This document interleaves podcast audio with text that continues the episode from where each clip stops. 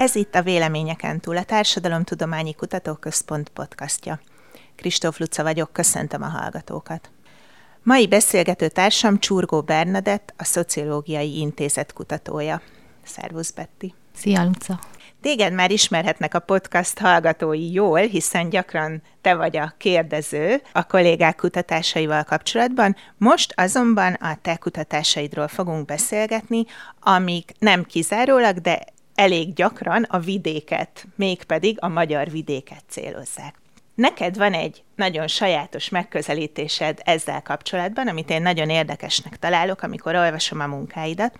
És nem régiben a szociológiai szemlében megjelent két kollégával egy cikketek, ahol idéztek egy vidék szociológustól, aki azt mondja, hogy nem az a kérdés, mi a vidék, hanem az, hogy a különböző szereplők hogyan értelmezik és érzékelik a vidéket. És én úgy éreztem, hogy ez egy kulcs mondat ennek a konstruktivista megközelítésnek.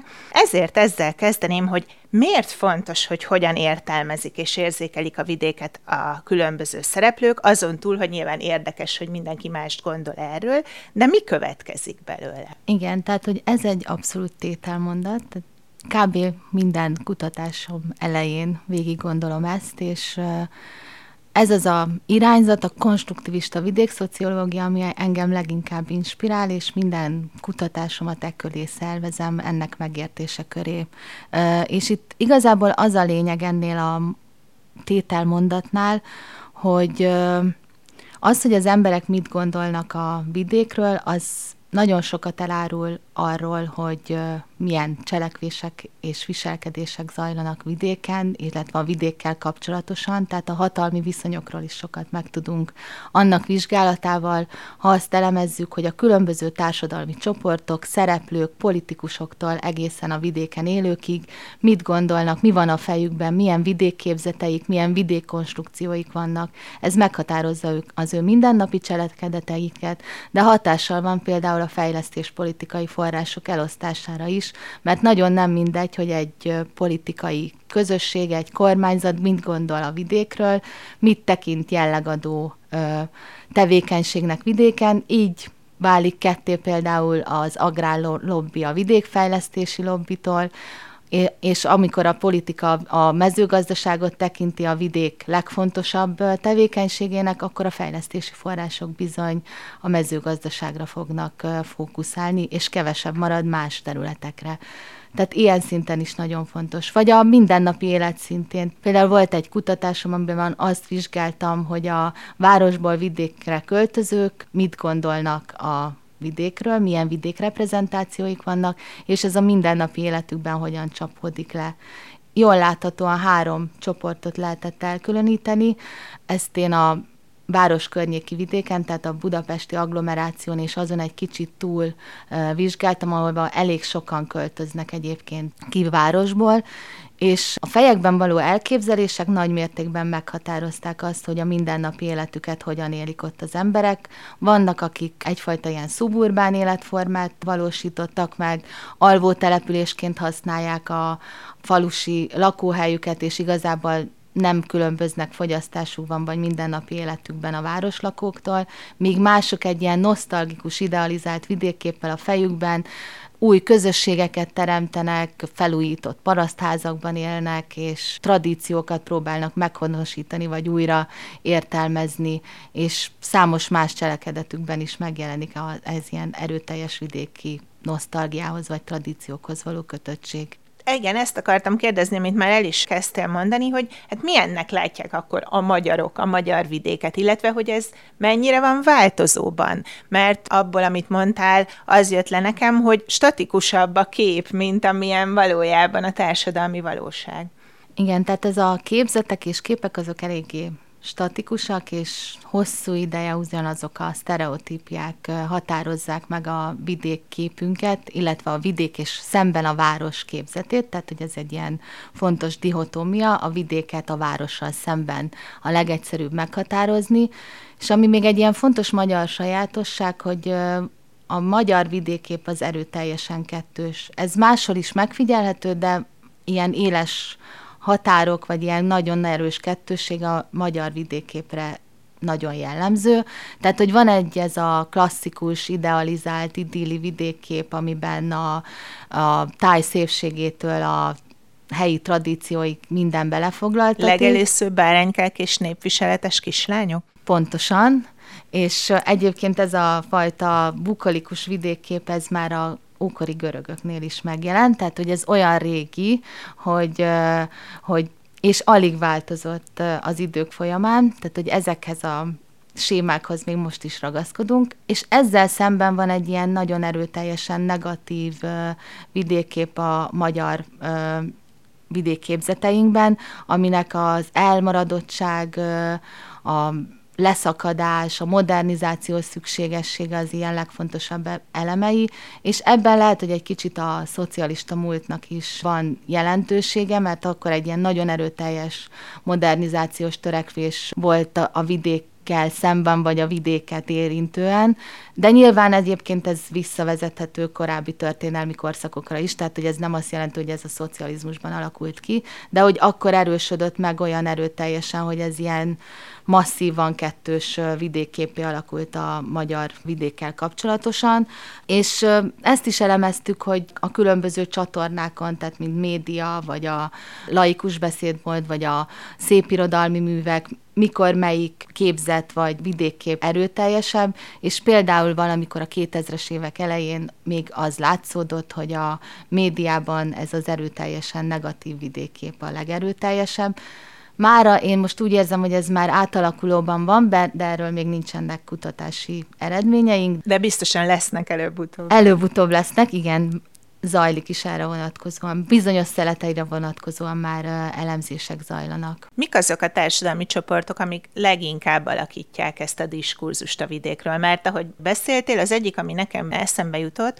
hogy az értelmiség, ugye ők már a két háború között is sokat foglalkoztak ezzel, például a népi írók, hogy fel kellene emelni a vidéket, és akkor, ahogy mondtad, utána a szocializmusban is megvolt ez a diskurzus, ők még mindig jelentősek ebből a szempontból? Értelmiség?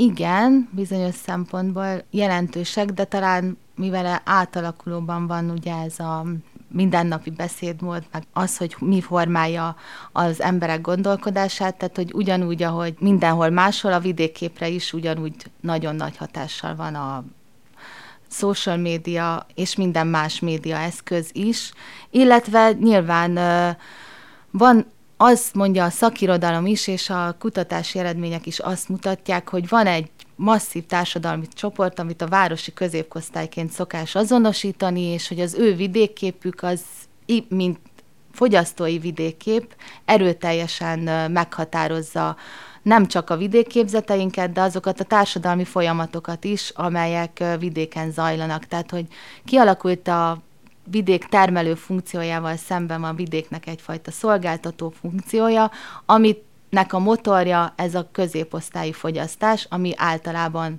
városi középosztályi fogyasztás, tehát itt olyanokra kell gondolni, mint a költözés, tehát a vidékre költözés, ez az egyik legfontosabb, illetve a vidéken turistaként megjelenő városiak, vagy nyaraló tulajdonosként megjelenő városiak ugyanilyen fontos szereplői a vidék alakításának és a vidék képzeteink alakításának is. Tehát nem véletlen, hogy a turizmus vidékképében ezeket a idilli elemeket találjuk, és ezekben, hogy mikor mi hangsúlyos, az nagyon nagy mértékben befolyásolja az, hogy ez a városi fogyasztói csoport mit keres leginkább. És most éppen mik a divatos elemei ennek a vidékképnek? Tehát mi az, amit most a fogyasztók keresnek?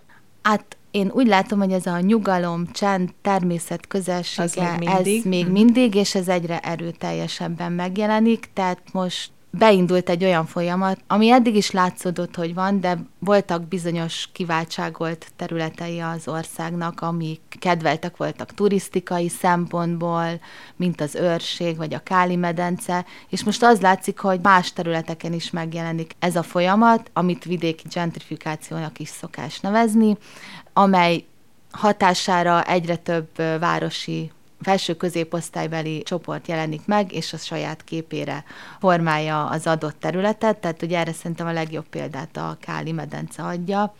És megjelenik már az a folyamat is, hogy a kiköltözés távolabbi területekre zajlik, nem csak a város környéken népszerű már a városból kiköltözők számára, és egy izgalmas új csoport, amivel most találkozunk így a, a kutatások során, ez a nyugdíjas kiköltözők, de itt a nyugdíjas nem feltétlenül a nyugdíj korhatárhoz vagy a nyugdíj meglétéhez értem én, hanem már azokat is, akik megtehetik, hogy a gyermekek kirepülése után párként elköltöznek vidékre, és távmunkában folytatják a munkájukat, és közel a nyugdíjhoz alakítanak ki új életformát vidéken. Ez lett volna itt az egyik kérdésem. Ezek az új életformák, tehát mondod, hogy sokan költöznek ki a városból, és egyre távolabbi helyekre is, nem csak az agglomerációba. Ezzel kapcsolatos az a kérdés, hogy mennyire van jelen még egyáltalán az életformáknak a különbsége vidék és város között, vagy mennyire kezd ez egy ilyen általános masszává válni? Hát ez egy nehéz kérdés, mert hogy a vidék, a magyar vidék az erősen fragmentált, tehát hogy nagyon-nagyon sokféle uh, vidéki tér van.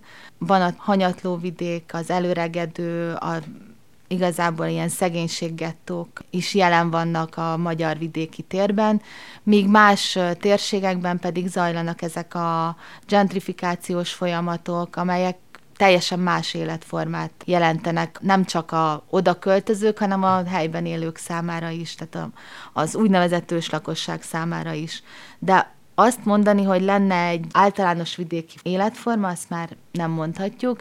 Ennek az egyik oka az, hogy a parasztság eltűnésével tulajdonképpen, amit így vidéki életformákként azonosítunk még ma is a vidékképzeteinkben, az igazából eltűnt. Tehát mezőgazdaságból a lakosságnak a legagráriusabb helyeken is kevesebb, mint 10%-a él, tehát hogy nincs olyan hely az országban, ahol mezőgazdasági termelés alakítaná a mindennapi életet. Azért, mert technikailag ez ilyen nagy üzemű, tehát kevés ember meg tudja ezt csinálni, ezt a termelést, ugye? Nyilván, ez, igen. Uh-huh. Ez is benne van, illetve kevesen foglalkoznak olyan méretben mezőgazdasággal, ami munkaerőt benne föl, tehát hogy ilyen szempontból a nagy üzemek sem vesznek fel munkaerőt, és a kis és közép üzemekben sem dolgoznak sokan. Tehát, hogy nincs ilyen jellegadó életforma és jellegadó társadalmi csoport, hanem összemosódnak a, a határvonalak. Tehát, hogy vidékies életformát lehet élni igazából városi körülmények között is.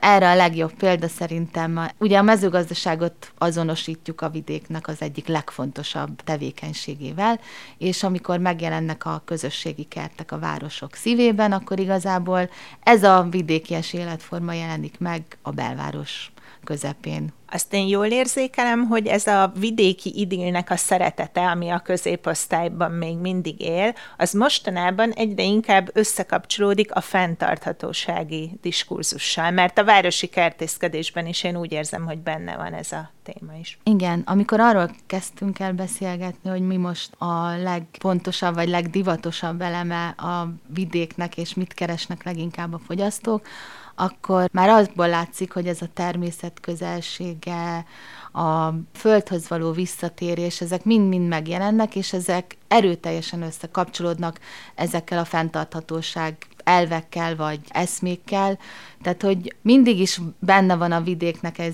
ben ez a fenntarthatóbb életformához való törekvés, de ez most egyre erőteljesebbé válik, és ez egy, igazából a fogyasztói oldalon igényként is megjelenik, és az is egy izgalmas kérdés, ahogy a fogyasztói igények alakítják a termelőknek a viselkedését. Tehát, hogy olyannal is találkoztam már, vagy több helyen olyannal találkoztam, hogy a termelők azért kezdenek el fenntarthatóbb módon termelni, mert erre van fogyasztói igény. Tehát ez így párhuzamosan alakítja egymást. Tehát sokszor a városból érkezik a fenntarthatóság igénye, és erre válaszul születnek meg olyan kis gazdaságok, amelyek fenntartható módon termelnek élelmiszert. Akkor ez is egy remek példája annak, hogy a vidék képzetek hogyan alakítják a folyamatokat vidéken. De ha ezek így olyan sokszor keverednek, meg ugye van egy ilyen függőség is, vagy hát összefüggés a kettő között fogyasztók, termelők alakítják egymásnak az igényeit. Vannak-e olyan pontok, ahol konfliktusba keverednek egymással ezek a városból jövők, meg ahogy az előbb mondtad, őslakók? Számos pontja van természetesen, nagyon sokféle konfliktussal lehet találkozni. Nyilván ez, amikor megérkezik egy városi középosztályi beköltöző vagy turizmusban vállalkozó, akkor ez nem mindig sikeres az ő befogadása. Tehát, hogy nagyon sokszor konfliktusba ütközik, mert teljesen mást akar, mint amit a helyiek megszoktak. Ez először lehet, hogy csak furának tűnik, aztán ez nyilván egyedi esetektől is függ, hogy mennyire erőszakos valaki, vagy mennyire próbál meg alkalmazkodni a helyi adottságoktól. Tehát olyan esetekkel is találkoztam már, ahol szinte zöggenőmentesen zajlott a, befogadás, vagy a betagozódás, az integrálódás a társadalomba, mert olyan csatornákat kerestek a beköltözők, amelyek megkönnyítették az ő integrációjukat, például helyi kisközösségeken keresztül igyekeztek minél inkább kapcsolatot teremteni a helyi közösség tagjaival, de ez sok esetben nem történik meg, tehát nincs egy ilyen tudatos integrációs törekvés a beköltözőkben, hanem csak vannak az elképzelések, és jó példa erre a melyik ház szépnek a kérdése. Tehát, hogy jön a beköltözője, akinek a fejében a rustikus parasztház van egyedüli jóként, miközben a helyiek számára a mediterrán stílusú lakóházak a legszebbek, hiszen ez látja a tévében, vagy ez nem tudom, a katalógusokban ez a legszebb, és akkor ez már is konfliktusokat szokott szülni abból a szempontból, hogy az odaérkező erőteljesen vélemény nyilvánít arról, hogy ez miért nem illik a tájba, és miért nem szabad ilyet ideépíteni, míg a... Most egy kicsit magamban nézek, mert én is ezt szoktam érezni, amikor a magyar vidéken autózom, különös tekintettel a tujákra, amik valamiért nagyon felbosszantanak. Igen, és akkor ezt is lehet látni, ahogy átalakulnak ezek a folyamatok. Tehát, hogy van például növényesítésnél valahol sikeresen átalakítják az odaérkezők a tájat is, tehát hogy a tujákat egy idő után kicserélik levendulával, és nem csak a mindennapi élet, nem csak a társadalom, hanem egy erőteljes tájátalakítás is zajlik, és ezért is izgalmas ez a vidéki gentrifikáció folyamata, vagy elmélete, mert ebben nem csak a társadalmi folyamatokat vizsgáljuk, hanem ahogy a táját alakul, az is egy ilyen fontos kérdés. És még a házakhoz egy kicsit visszatérve, nem csak a csoportok közötti konfliktusként jelenik meg a konfliktus, hanem sokszor település és település közötti konfliktusként, és például amikor versengés van a turisztikai vonzerőnek a kialakításában, akkor nagyon sokszor azok a települések, ahol már kevés a rustikus parasztház, hanem inkább kockaházak vannak, azok nagyon sértve érzik magukat, hogy nem elég vonzóak a turisták számára, pedig egyébként ugyanazokat a szolgáltatásokat próbálják nyújtani, és akkor itt helyben, a térségen belül a település-település között van egy ilyen feszültség, hogy miért nem vagyok sikeresebb, és akkor kiderül, hogy hát azért, mert a turista számára a tájkép kevésbé vonzó. Szerinted ez egészen odaig el fog menni, hogy a házakat, amiket újonnan építenek, azokat is ez alapján fogják alakítani, vagy azért ennyire nem? Tehát, hogy ez megmarad a kulturális örökségnek a szintjén? Én azt látom, hogy nagyon sokszor a házakat is olyanra építik, ami a fejekben van. Tehát lehet újonnan is parasztház jellegű házat építeni, amiről már nem veszi észre a laikus tehát ez már van ilyen? Ilyen van. Tehát, hogy vendégháznak is nagyon sokan parasztház jellegű házat építenek újonnan, mert hogy erre van igény még egy konfliktus forrás lehet, ami nekem így eszembe jutott, hogy amikor már ott vannak ezek a városból kiköltözők, és ők élvezik a vidéket, ami ennek ők szeretnék, akkor sokszor nem szeretnék, hogy további emberek jöjjenek, mert ugye akkor pont elveszteni azt a jellegét, amit ők szeretnek. Igen, ez leginkább ugye azokon a helyeken jelenik meg, ahova sokan költöznek ez így a város környéki terekben eléggé jellegzetes, hogy a először oda költözők, azok nagyon rossz szemmel nézik a újonnan költözőket, tehát hogy ők szeretnének egy ilyen limitet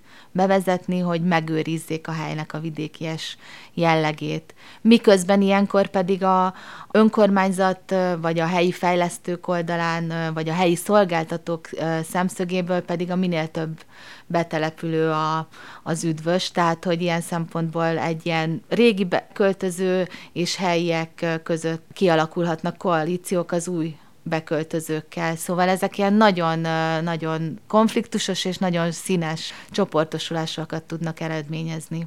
Van egy olyan speciális kutatási területed, ami persze összefügg arról, amiről eddig beszéltünk, a vidéki mással, de hogy beszéljünk most egy kicsit a vidéki nőkről, és az ő identitásukról. Hogyan függ ez össze a vidékképzetekkel? Igazából az alapkiinduló pontot azt jelenti, hogy a tradicionális vidékképünkhöz hozzá tartozik a tradicionális családi szerepek és női szerepeknek a képzete is. Tehát, hogy van egy ilyen egyszerű összekapcsolódás, ami mentén már érdemes vizsgálódni. Tehát első körben én is ezen a vonalon indultam el, és először a 2000-es évek elején kialakuló farmer családok, amiket inkább nevezzünk mezőgazdasági vállalkozó családoknak, azon belül próbáltam megfejteni, hogy valójában a nőknek milyen szerepeik vannak, és hogy ez most akkor visszatérés a tradicionális családi szerepekhez, vagy valami más történik a farmer családban. Ez volt az első olyan kutatás, amiben vidéki nőkkel foglalkoztam, és abból az látszódott, hogy bár van visszatérés bizonyos esetekben, de nem ez a jellegadó,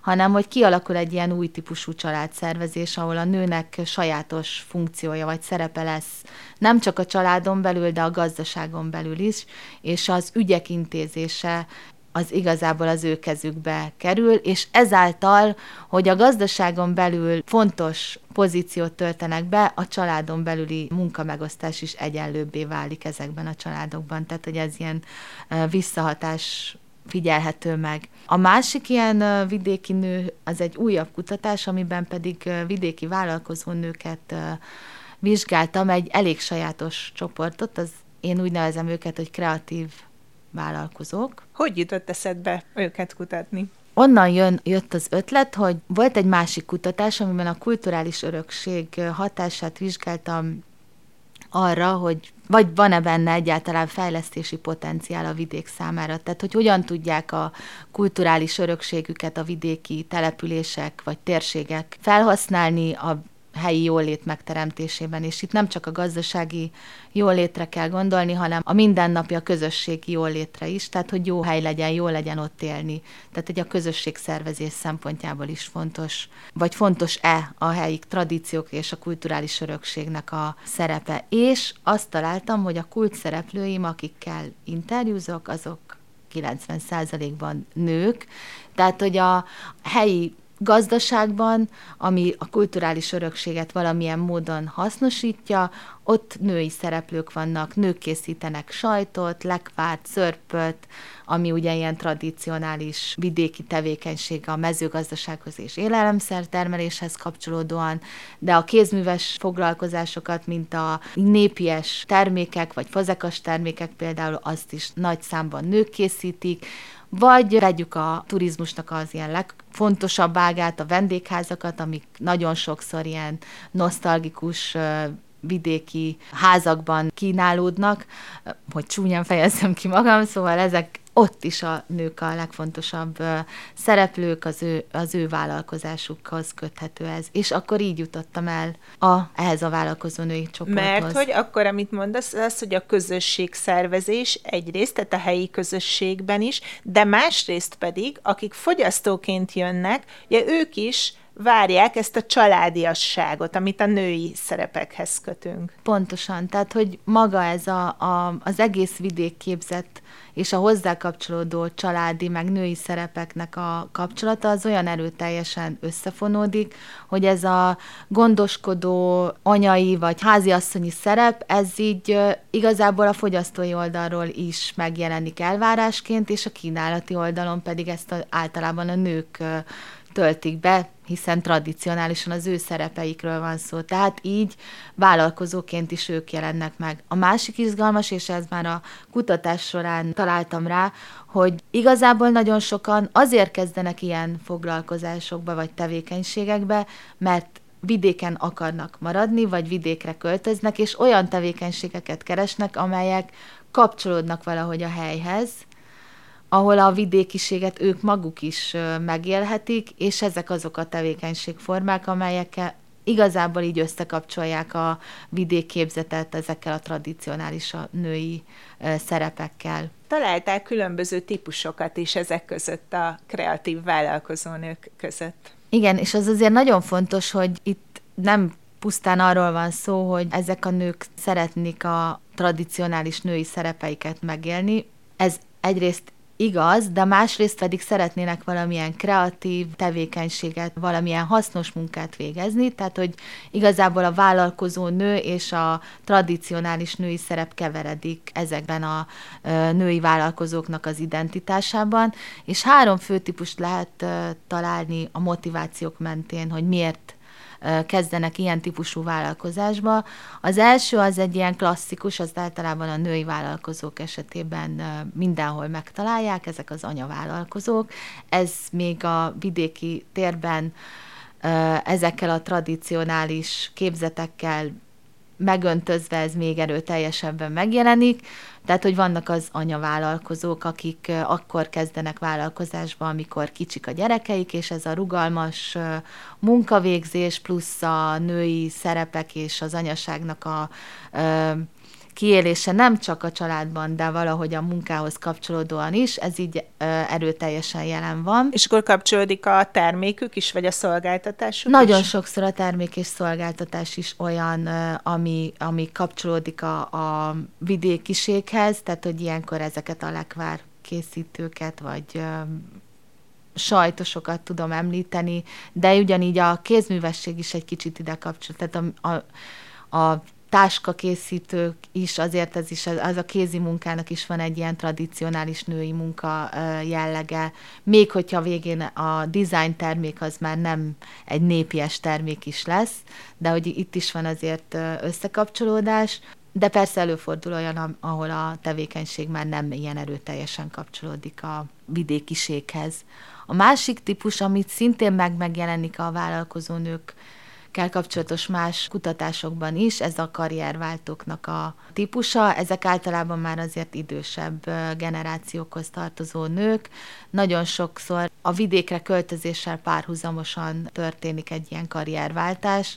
Az előző munkából való kiégés párosul egy költözéssel, és akkor egy új tevékenységet keresnek. És itt sokszor ez a, a kézművesség az egy ilyen feloldása a kiégésnek, és akkor ebből lesz vállalkozó tevékenység később. Tehát, hogy ez, ez is megjelenik, és azért van egy speciálisan vidéki női vállalkozó típus is, ezek a nosztalgia vállalkozóknak neveztem én.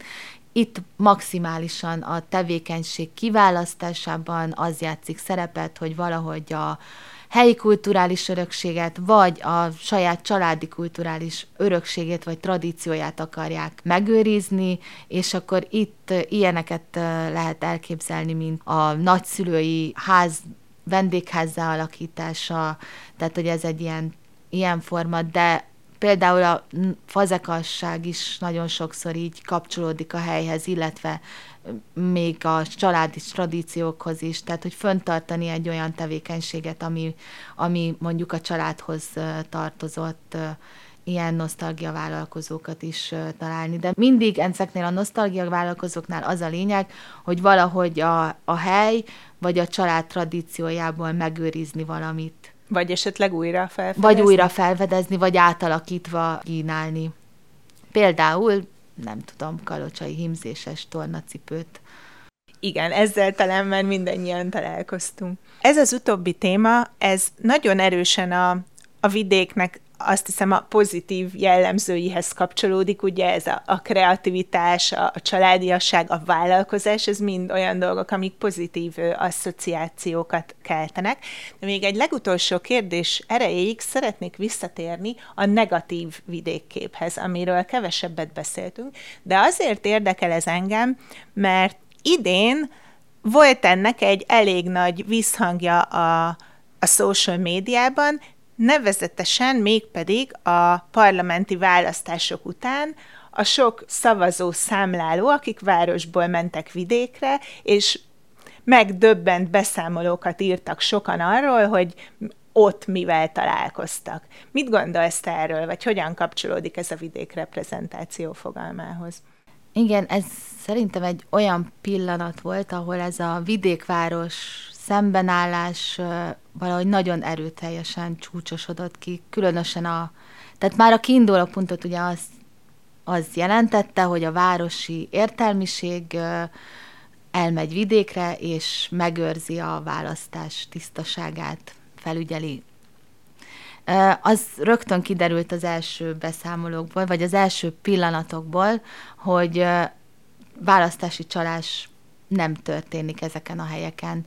Viszont a beszámolókban, bár biztos voltak olyanok is, amelyek nem e- ezt hangsúlyozták, de mégis valahogy ez az ellentét volt a, a legerőteljesebb. Tehát, hogy a, a város és vidék közötti különbségeket hangsúlyozták ki, és abban a, a negatív, vagy a, a, a hanyatlás kép volt a, a legerősebb, hogy azokat a társadalmi csoportokat hangsúlyozták ki, ami, ami a leg ö, ö, hátrányosabb helyzetben vannak. Tehát, hogy ezek a beszámolók igazából arról szóltak, hogy milyen nagyok a különbségek, és sokkal kevésbé arról, hogy milyen hasonlóságok vannak. Már pedig vannak, tehát, hogy ö, igazából azért hogyha nem azokat a településeket járjuk, ahol a legnagyobb hátrányok vannak, már elég sok ilyen település van az országban, tehát hogy ez nyilvánvalóan, és aki lehet, hogy azok készítették a beszámolókat leginkább, akik ezeken a helyeken jártak, és megdöbbentve tapasztalták az ottani viszonyokat, és nyilvánvalóan az ő hangjuk erősödött föl, és sokkal kevésbé azoké, akik olyan helyekre kerültek, ahol nagyon hasonló emberekkel találkoztak.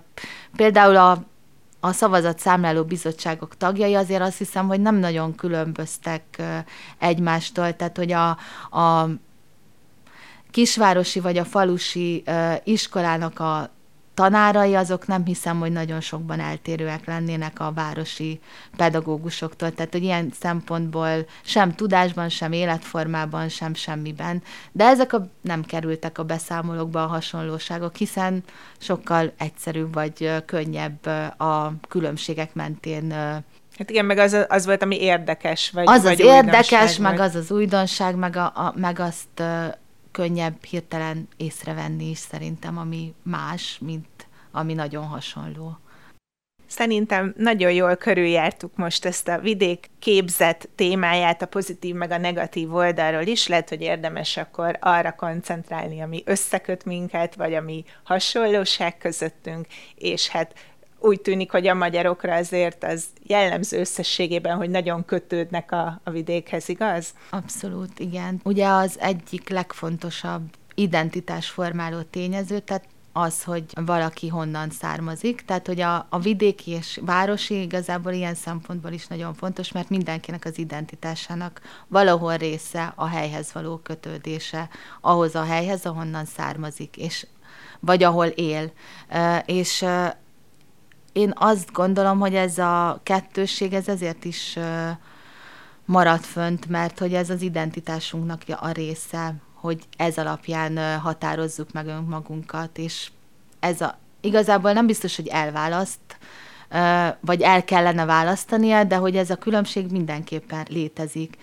És ami még izgalmas, és ha már ilyen politikai témákba belemegyünk, akkor én azt látom, hogy igazából a politikai beszédmód az most ráerősít erre a, a különbségtételre, és azzal együtt, hogy valahogy ezt a, a vidéket, mint a nemzet bölcsőjét, vagy a magyarság bölcsőjét fogalmazza meg, egyfajta ilyen sértett szembenállással fordul a városiak felé, és ezt a részét is erősíti a vidékieknek, és talán ez a, ez a szétválasztás, ami fontos így a politikai beszédmódon keresztül. És ha erre erősítenek rá azok a beszédek, amelyek mondjuk a szavazat számlálók beszámolóiban vannak, akkor ez megint nem összeköt, hanem szétválaszt. Úgyhogy erre nagyon kell figyelnünk. Köszönöm szépen a beszélgetést. Én is köszönöm.